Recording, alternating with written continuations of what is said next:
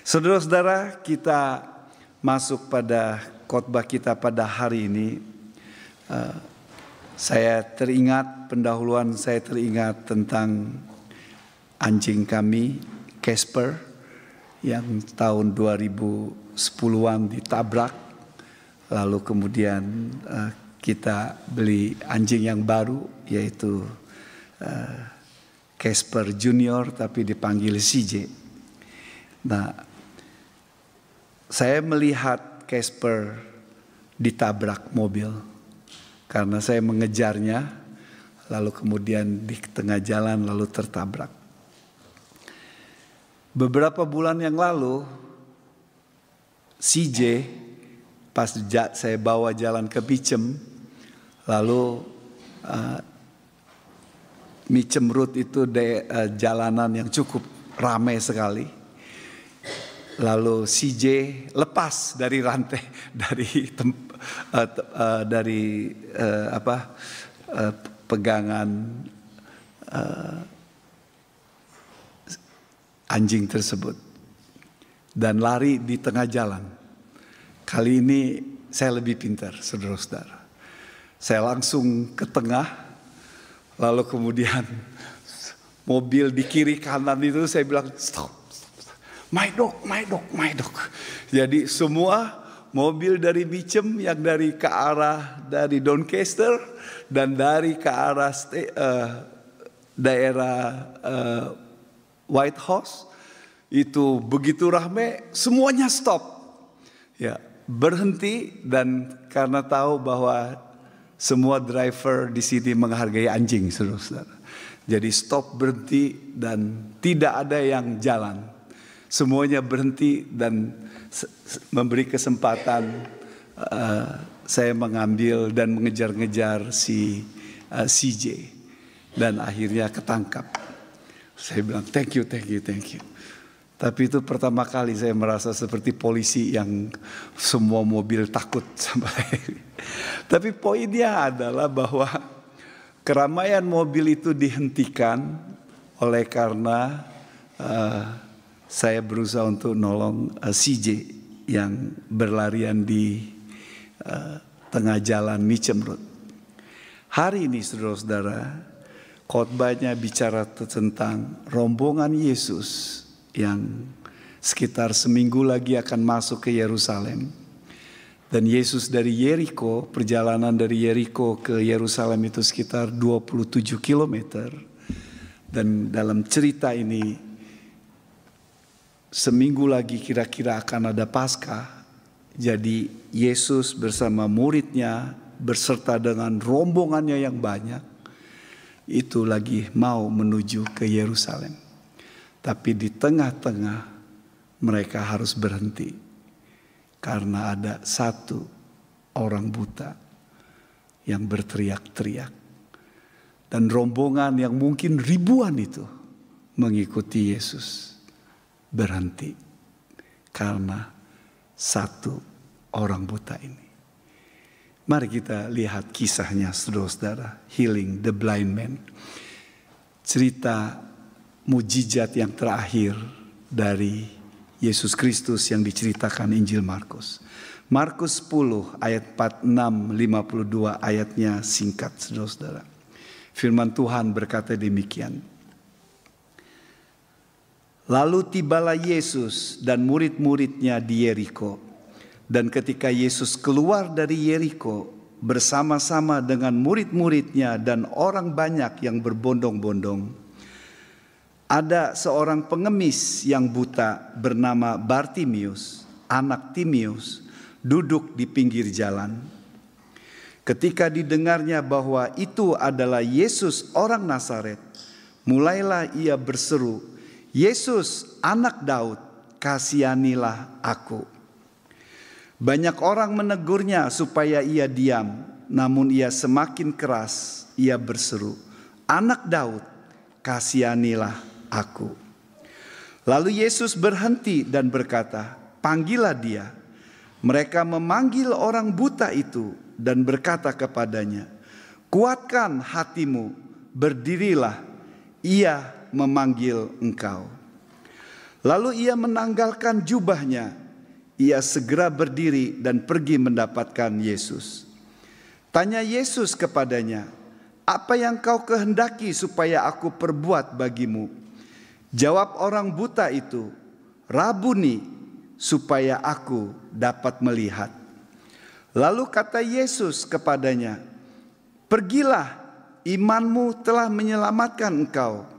Pada saat itu juga melihatlah ia, lalu ia mengikuti Yesus dalam perjalanannya. Saudara-saudara cerita singkat 6 ayat dan cerita ini adalah cerita terakhir Yesus membuat mujizat. Lalu kemudian dalam cerita ini kemudian Yesus pasal 11, 12, 13 mulai masuk ke Yerusalem. Dan seminggu kemudian Yesus disalibkan. Jadi cerita ini sangat menarik sekali saudara-saudara. Perhatikan, saya ingin mengajak saudara memikirkan sebelum saya membahas uh, keindahan cerita ini. Tapi mari kita melihat kenapa cerita ini sangat penting dalam kisah dalam Injil-Injil khususnya dalam Injil uh, Markus ini ya. Mengapa cerita ini sangat penting? Why? The last miracle of Jesus is so important. Mengapa cerita Markus 10 ah, ayat 46 52 ini sangat penting sekali dalam konteks uh, Markus yang ingin disampaikan. Kenapa penting saudara-saudara? Biar saya jelaskan saudara-saudara. Dalam perjanjian lama tidak ada nabi-nabi yang membuat mujizat orang buta disembuhkan. Hanya Yesus yang menyembuhkan cerita orang buta. Dalam cerita Injil-Injil Yesus menyembuhkan orang buta dalam banyak ayat-ayat itu ada sekitar tujuh kali. Di Matius, di Markus, lalu kemudian di Lukas dan di Yohanes pasal 9. Jadi ada tujuh kali akan tetapi dalam Matius 15 ayat 29 31 dan Matius 21 ayat 16 dan Lukas 7 ayat 21 diceritakan bahwa Yesus juga membuat mujizat, mengusir roh jahat dan menyembuhkan banyak orang buta. Jadi yang diceritakan adalah hanya tujuh kali saudara-saudara. Tapi tentu banyak orang buta yang disembuhkan. Yang menarik bagi kita adalah kenapa cerita orang buta ini menarik. Cerita orang buta ini menarik karena Markus ingin menjelaskan dengan singkat tapi juga jelas poin yang mau disampaikan bahwa Yesus adalah Mesias Yesus adalah Kristus. Yesus adalah nubuatan dalam perjanjian lama. Yesaya 61 ayat 1 dan 2, Yesaya 35 ayat 5 dan 6 yang dikutip oleh Yesus dalam Lukas pasal 4 ayat 17 sampai 19 dia berkata demikian Roh Tuhan ada padaku. Oleh sebab ia telah mengurapi aku untuk menyampaikan kabar baik kepada orang-orang miskin dan ia telah mengutus aku untuk memberitakan pembebasan kepada orang-orang tawanan dan penglihatan bagi orang-orang buta untuk membebaskan orang-orang yang tertindas untuk memberitakan tahun rahmat Allah. Lalu ia memulai mengajar mereka katanya pada hari ini genaplah nats sewaktu kamu mendengarnya. Jadi Yesus mengklaim dikatakan dari Injil Lukas bahwa apa yang dinubuatkan Yesaya tentang mujizat-mujizat, salah satu mujizatnya adalah orang buta dicelikan itu adalah tanda bahwa Yesus sebagai Kristus atau terjemahannya Mesias. Untuk menyatakan bahwa dia sungguh-sungguh sang Mesias yang dinubuatkan dalam perjanjian lama yang datang. Yohanes awal dalam pelayanannya begitu semangat dan antusias dan percaya Yesus adalah sang Mesias yang dijanjikan. Tapi waktu di penjara dia ragu-ragu.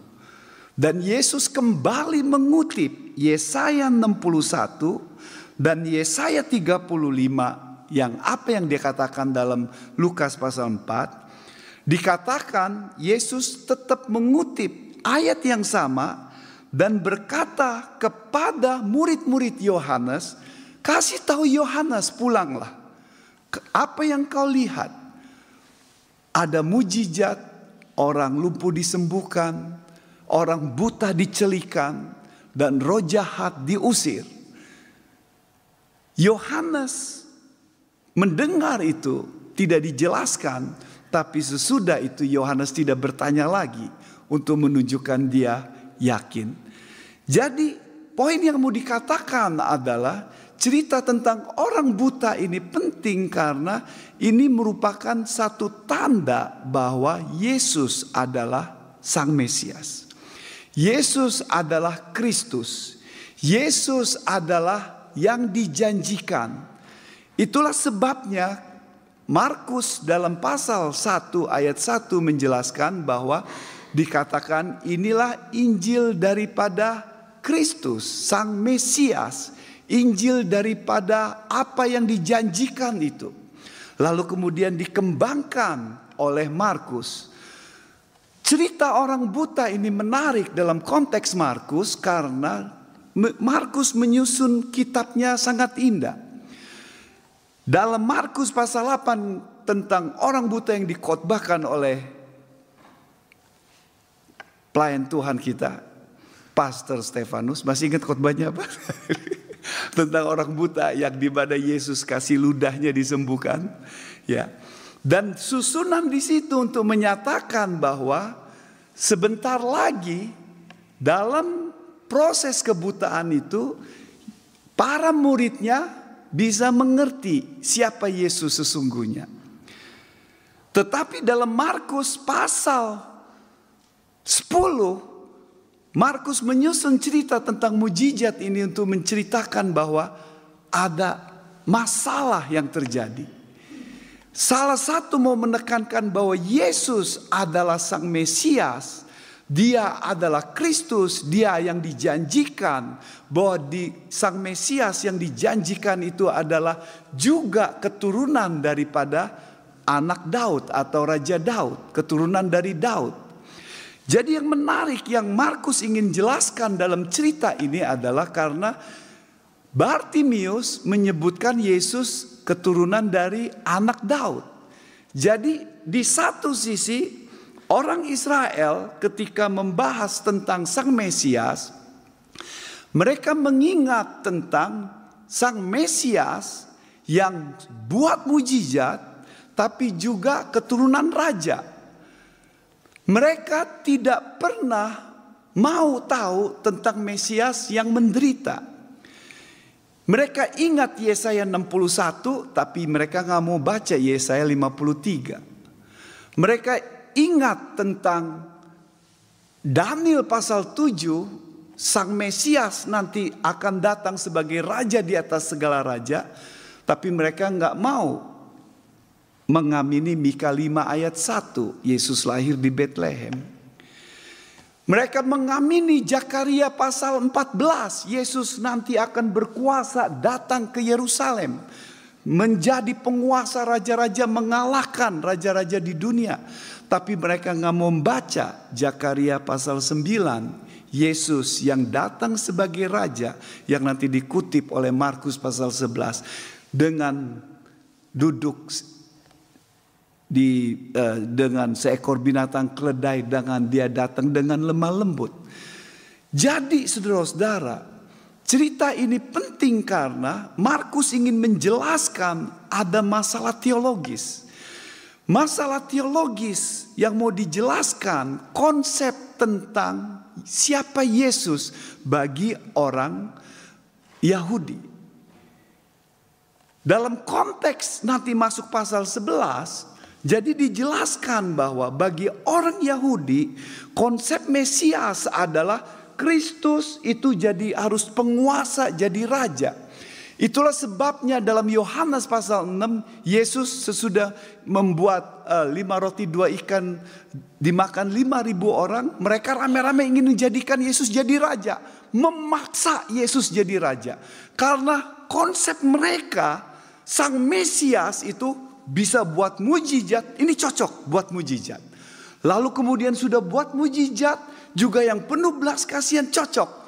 Tapi mereka memaksa karena pola pikir mereka Mesias itu haruslah Mesias yang raja berkuasa. Pikiran mereka hanya satu. Ketika bicara soal Mesias, raja yang berkuasa mengalahkan tentara Roma. Mereka sudah capek dijajah. Saudara tahu mereka dijajah begitu banyak oleh bangsa-bangsa di dunia. Pernah dijajah oleh bangsa Asyur, pernah dijajah oleh bangsa Babel, pernah dijajah oleh bangsa Yunani, pernah dijajah oleh bangsa Roma. Dalam masa 400 tahun yang disebut nama masa sunyi, saudara bacalah dan lihat di YouTube bagaimana dalam peperangan masa-masa seperti itu mereka perang orang-orang Yahudi begitu berani, berani mati melawan Yunani dan melawan Roma sampai bait Allah itu bercucuran dengan darah dan mereka mau mati saudara-saudara. Dan ketika Yesus datang, konsep tentang Yesus sang Mesias itu sebagai raja itu menjadi bagian dalam hidup mereka. Jadi ketika Kristus datang sebagai Mesias mereka tolak. Markus menceritakan ini untuk memberitahu dua hal. Bahwa Yesus datang untuk menjelaskan bahwa orang itu buta. Orang Israel buta, buta rohani. Nanti untuk masuk ke pasal 11 dan masuk pasal berikutnya. Mereka melihat Yesus ketika buat mujizat mereka suka. Tapi ketika Yesus berkata bahwa dia adalah sang raja, mereka nggak mau percaya. Ketika Yesus mengutip Daniel 7 ayat 13 dan 14, mereka tambah nggak percaya. Mereka berkata, "Untuk apa saksi?" Karena dia menyatakan bahwa dia sang Mesias. Lalu Yesus dibunuh. Orang Yahudi buta. Buta oleh karena konsep mereka, pikiran mereka hanyalah memikirkan sang Mesias yang raja di atas segala raja penguasa.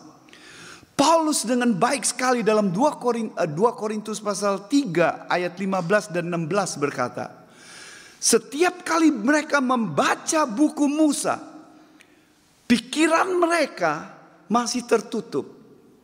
Ayat 16 berkata, sampai mereka bertobat percaya sama Yesus Kristus, pikiran mereka dicelikan.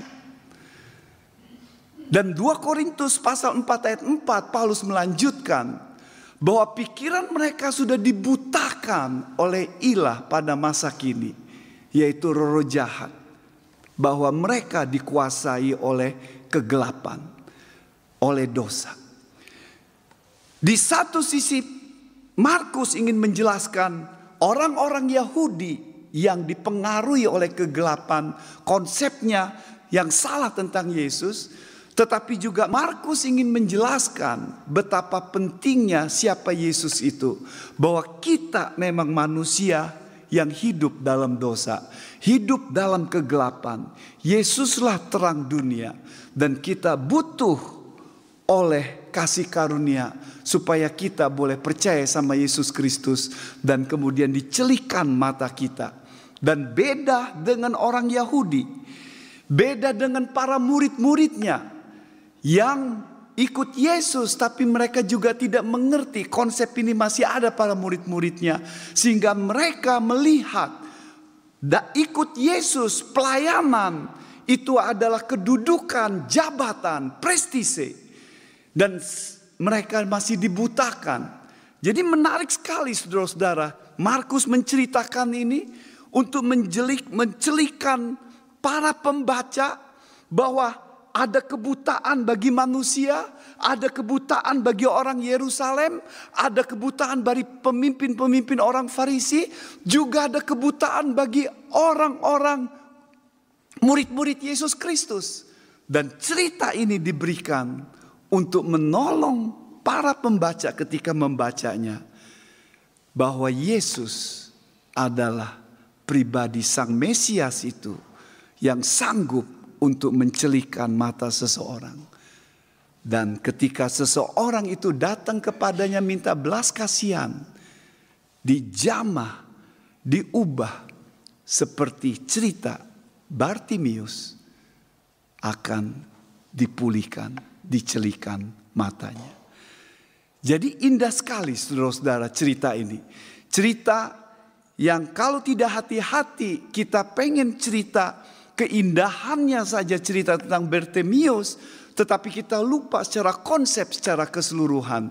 Sehingga ketika kita mengerti ini pentingnya cerita ini, ketika kita masuk bagian yang kedua, dagingnya atau cerita tentang Bartimius, kita bisa melihat kita sama seperti Bartimius yang buta, yang perlu dijamah, diubah, dipulihkan dan untuk percaya kepada Yesus Kristus supaya mata kita dicelikan supaya tidak diperbudak oleh hidup dalam kegelapan.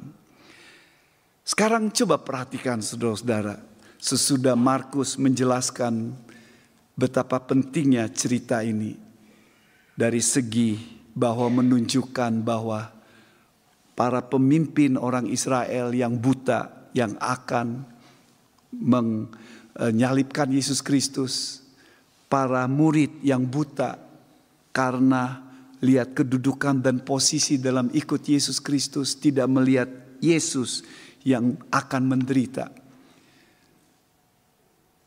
Tapi cerita ini dikontraskan dengan seorang buta.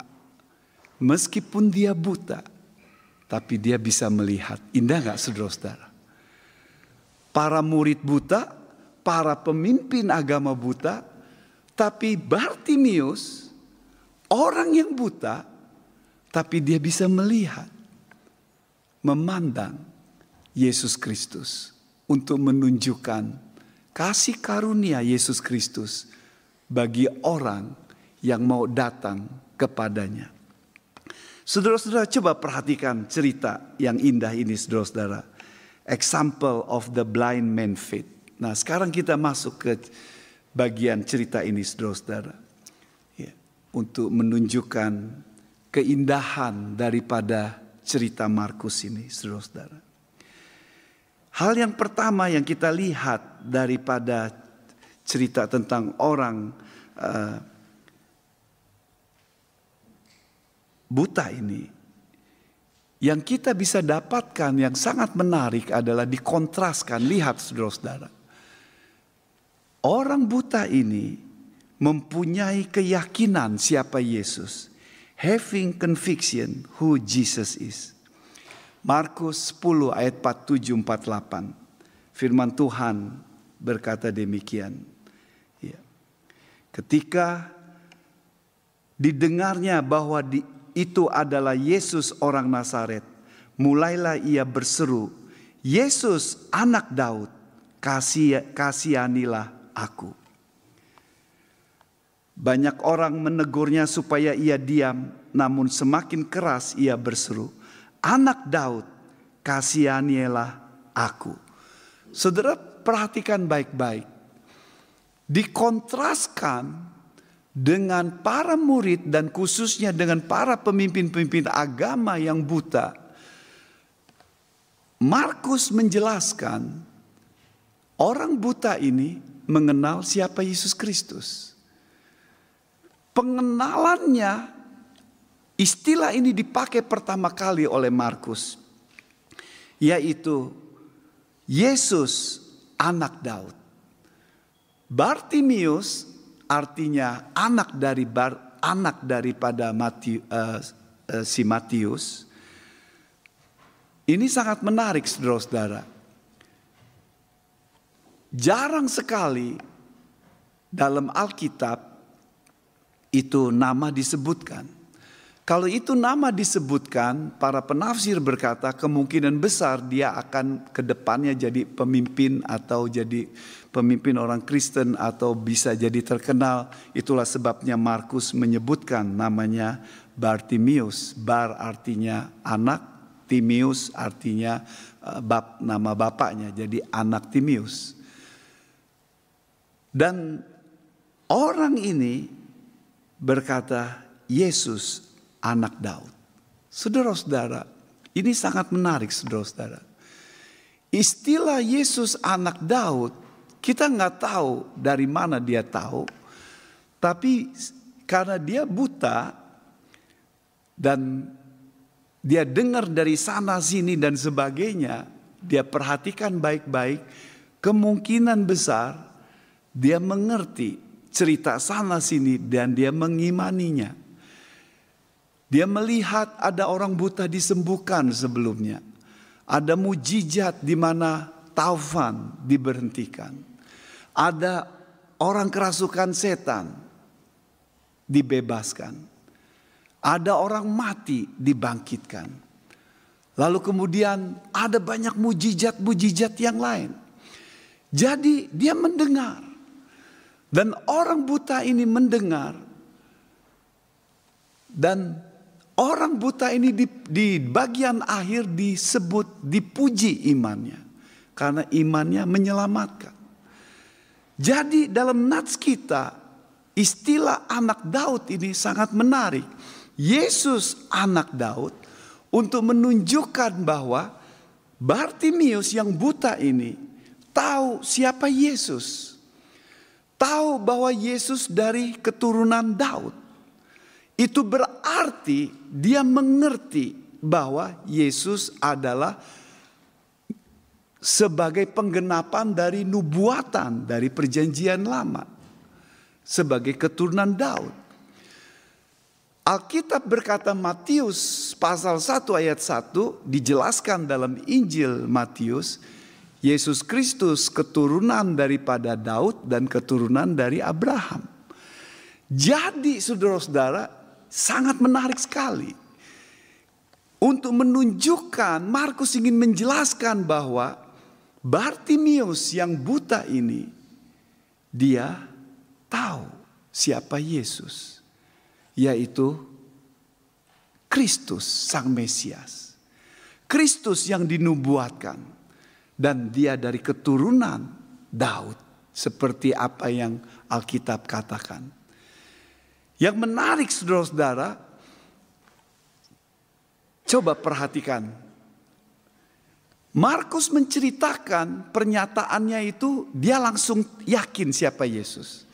Sekarang saya bawa cerita orang Samaria Yohanes uh, pasal 4. Wanita Samaria itu memanggil Yesus pertama dengan Sir Guru. Lalu menyebut Bapak. Lalu dia menyebut Nabi. Baru terakhir dia bilang, engkau Mesias. Lalu Yesus bilang, ya aku itu. Lalu dia percaya. Proses. Saudara perhatikan Nikodemus pasal Yohanes pasal 3. Ketika Nikodemus dia ditantang untuk percaya sama Yesus Kristus, pengenalannya juga tentang Yesus proses demi proses. Tapi eh, Markus menceritakan Bartimius tidak proses. Langsung berkata, Bartimius berkata, Yesus anak Daud.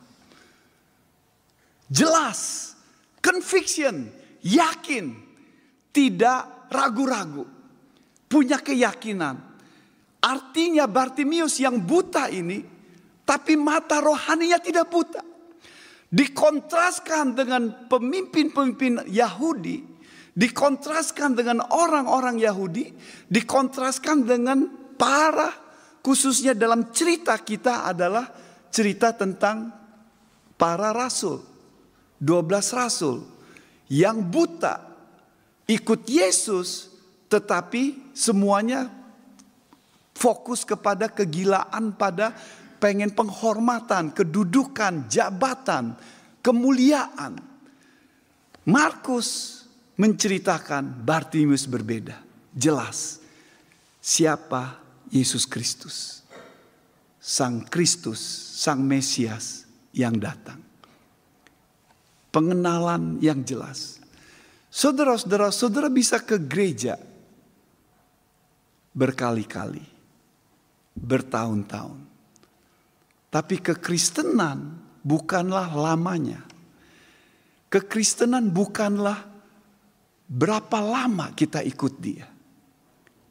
Kekristenan bukan berapa lama kita pelayanan. Kekristenan dimulai dengan seseorang yang bisa mengenal siapa Yesus Kristus dengan baik. Siapa dia? Yesus Sang Mesias, Kristus Tuhan. Dan kita harusnya dengan revelation yang makin jelas, kita jelas siapa Yesus sebagai Tuhan dan Juru Selamat kita. Dan bukan hanya sekedar keyakinan, tapi itu yang menghidupkan. Bartimius bukan hanya sekedar dia yakin siapa Yesus, tapi Bartimius benar-benar menghidupkan keyakinan itu saudara-saudara. Benar-benar menghidupkan. Dia bukan orang yang hanya tahu dari segi informasi. Dia bukan hanya sekedar tahu dari segi teologi. Tahu dari segi pengetahuan. Tapi dia sungguh-sungguh menghidupkan keyakinannya itu dengan jelas apa yang harus dia lakukan. Menarik kemarin Pak Jimmy Setiawan mengutip Timothy Keller tentang Timothy Keller bicara soal tentang bagaimana pentingnya ketika kita berbakti dijamah diubah oleh Tuhan. Transformasi itu harus mengubah hati kita. Informasi tentang siapa Yesus itu mengubah hati kita. Timothy Keller pakai istilah informasi itu harus masuk, menjamah, melelehkan hati kita dengan istilah sensasi, mengubah hati kita, menjamah, memperbarui, mengubah hidup kita. Sehingga kita tidak sekedar hanya duduk, datang, membaca di sel group, diskusi. Tetapi firman itu menjamah kita, mengubah, mengoreksi. Dan hati kita dijamah ada keyakinan. Sehingga seperti D.L. Moody berkata, firman Tuhan itu bukan sekedar transformasi. Eh, bukan sekedar informasi, tetapi harus transformasi mengubah hidup kita. Jakius, ah, Jakius lagi, si Bartimius ini bukan hanya yakin, tapi mengubah hatinya saudara-saudara. Keyakinannya itu mengubah. Lalu berikutnya dia berkata demikian, begging Jesus mercy. Yang kedua dia berkata, kasihanilah aku. Have pity on me. Kasihnya aku. Dia menunjukkan tahu bahwa Sang Mesias Kristus itu adalah pribadi yang keturunan daripada raja di atas segala raja, penguasa yang nanti akan datang. Jelas keturunan Daud yang nanti akan jadi penguasa raja di atas segala raja. Juga bisa buat mujizat tapi juga yang punya hati belas kasihan. yang punya compassion, yang punya pity pada orang-orang yang penuh belas kasihan. Dia melihat, dia memperhatikan, dan dia mendengar dengan telinganya sendiri bahwa Yesus penuh dengan belas kasihan. Saudara perhatikan dalam Injil-Injil hampir semua mujizat itu dilakukan dimulai dengan kata karena Yesus penuh belas kasihan. Compassion. Perhatikan sebelum lima roti dan dua ikan dibuat mujizat dimakan oleh lima ribu orang. Ketika Yesus melihat orang banyak yang kelaparan. Alkitab berkata hatinya penuh dengan belas kasihan hatinya compassion, self pity. Ketika seorang janda yang penuh dengan permintaan yang terus-menerus, dia penuh belas kasihan. Ketika orang datang kepadanya yang dengan pergumulan penuh air mata, Orang buta yang diceritakan di tempat yang lain juga sama. Yang penuh belas kasihan minta sama Yesus. Yesus penuh belas kasihan. Dan Bartimius mengerti itu. Lalu dia meminta kepada Yesus, have mercy on me. Have mercy on me. Tapi bukan itu saja saudara-saudara iman yang hidup dalam kehidupannya. Ketika ada masalah, ada tantangan, dia tidak berhenti. Alkitab berkata, bagaimana dia never give up in the midst of obstacle. Orang banyak teriak-teriak, eh berhenti, berhenti, berhenti, berhenti. Lu siapa teriak-teriak, udah berhenti. Buta, tidak berarti. Bukan orang kaya, bukan punya kedudukan, nggak punya, ya udah kamu berhenti berhenti aja. Tapi Bartimius semakin disuruh berhenti, semakin dia berteriak. Yesus! Mungkin teriakannya lebih keras dari saya ya. Yesus anak Daud, kasih saya. Makin dia suruh berhenti, teriak lagi, teriak lagi. Wow, saudara-saudara. Satu cerita yang indah sekali. Ini cerita yang luar biasa, saudara-saudara. Cerita yang sangat indah sampai Yesus berkata, "Apa maumu sesungguhnya?" Rombongan yang begitu banyak yang saya katakan mungkin ribuan yang ikut Yesus itu berhenti. Dan Yesus berkata, Yesus memerintahkan datang kepadaku. Lalu orang itu datang dan Yesus berkata, apa maumu? Tentu Yesus tahu maunya apa. Yesus tahu mau kita apa saudara-saudara. Kita nggak usah ditanya. Tapi Yesus mau nyatakan kesungguhan hati orang itu. Keseriusannya kesungguhannya, apa maunya. Dan dia berkata, aku ingin melek. Terjemahan Indonesia, saya ingin melihat. Terjemahan bahasa Inggris berkata, dikatakan di situ bisa pakai istilah I want to regain, recover my sight atau dalam arti kata terjemahan bahasa Yunaninya itu mau berkata bahwa supaya aku bisa melihat lagi. Implisitnya orang ini pernah melihat lalu jadi buta. Dan kita nggak tahu butanya sejak kapan. Tapi implisitnya dia udah buta udah cukup lama karena dia jadi beggar peminta-minta. Jadi sudah cukup lama mungkin dari kecil kita nggak tahu ceritanya. Tapi dari apa yang dikatakan dari Alkitab kita tahu dia bekas buta. Lalu kemudian dia bisa melihat. Dan Yesus menjamahnya. Yesus mengasihaninya.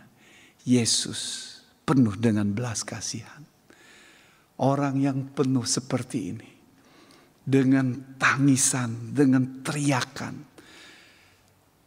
Yesus berkata, imanmu menyelamatkan engkau.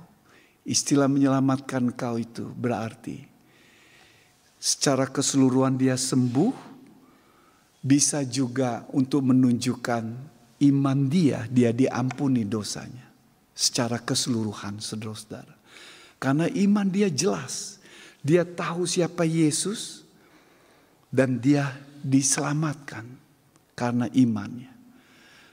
Yang menarik adalah bahwa Yesus menghargai iman Bartimius.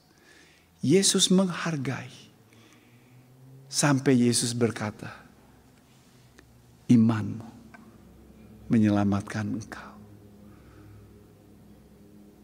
Saudara-saudara, ini cerita yang sangat menarik. Cerita dibungkus dengan konsep teologis bahwa kita ini memang orang yang buta.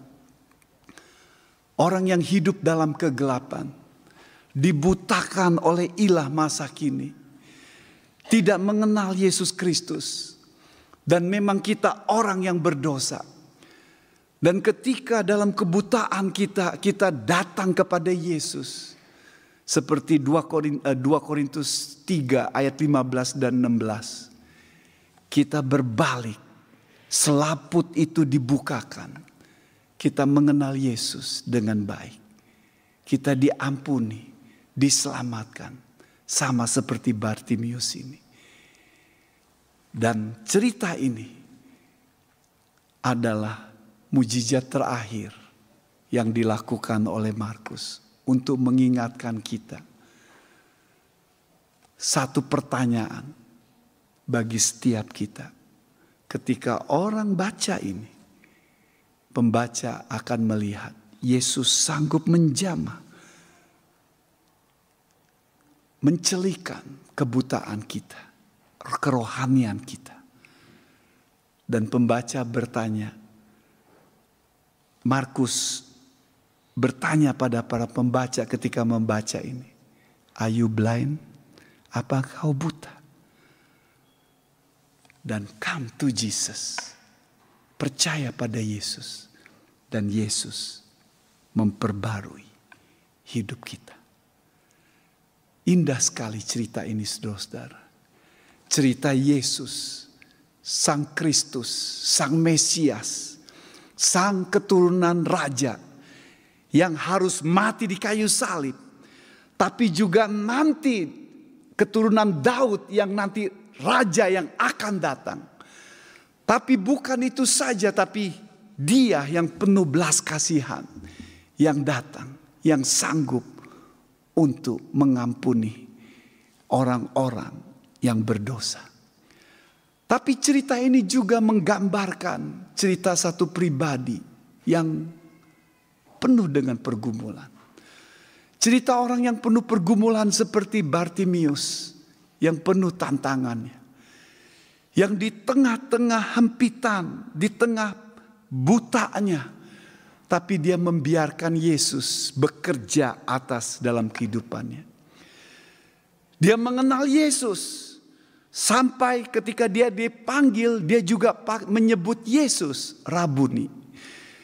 Dalam istilah orang Yahudi ada empat istilah untuk panggilan seorang guru. Yang pertama Rab itu guru. Yang kedua itu bicara rabi, guruku. Yang ketiga Raban artinya my, our master. Dan yang ketiga Rabuni. Dan Jak Bartimius memanggil Yesus Rabuni. Artinya dia menghargai bahwa Yesus itu adalah yang luar biasa sekali penghargaannya. Dan dia mengenal, dia yakin Yesus Kristus Sang Mesias Kristus yang hidup dalam kehidupannya. Dan dia yakin di tengah pergumulan kehidupannya. Dan sama ketika kita melihat kehidupan kita, ketika Yesus yang terang dunia, Sang Yesus Kristus, Sang Kristus yang datang sanggup itu mencelikan orang-orang yang berdosa. Dan sama dan juga dengan kehidupan kita. Setiap pergumulan dalam kehidupan saudara. Yesus bukan saja Sang Mesias yang hanya mengampuni dosa saudara, tapi juga Yesus concern dengan pergumulan pribadi saudara lepas pribadi, sama seperti Bartimius yang Yesus jama secara total dalam kehidupannya. Mari kita berdoa bersama-sama.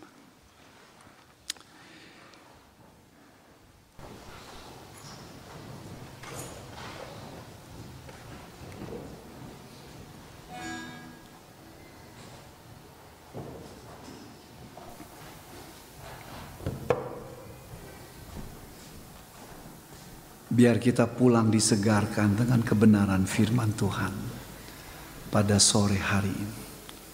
Bahwa Yesus Kristus sanggup mencelikan mata kerohanian kita yang hidup dalam gelap supaya bisa mengenal Yesus secara pribadi. Dan Yesus yang kita kenal secara pribadi itu adalah Yesus yang mengerti setiap pergumulan, air mata, tantangan dalam kehidupan saudara. Dia bukan yang masa bodoh. Dia bukan yang tidak mengerti. Dia mengerti setiap pergumulan hidup kita. Tapi yang ada adalah seperti Yesus memuji Bartimius Imanmu menyelamatkan engkau. Yesus ingin melihat iman dalam kehidupan orang yang pengikutnya. Iman yang hidup, iman yang penuh keyakinan di tengah tantangan masalah tapi tidak goyah dalam mengikut Yesus Kristus bahwa dia sanggup menjamah kehidupan kita. Memulihkan kehidupan kita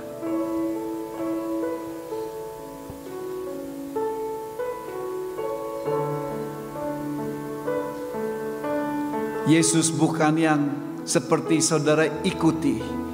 Yesus bukan seperti yang kita kenal hanya untuk menyenangkan kita.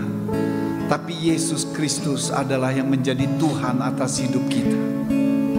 Sehingga akhirnya kita mengenal kasih karunia-Nya dan ikut dia terus menerus seperti Bartimius. Celikan mata rohani kita. Kita bangkit berdiri bersama-sama, kita nyanyikan.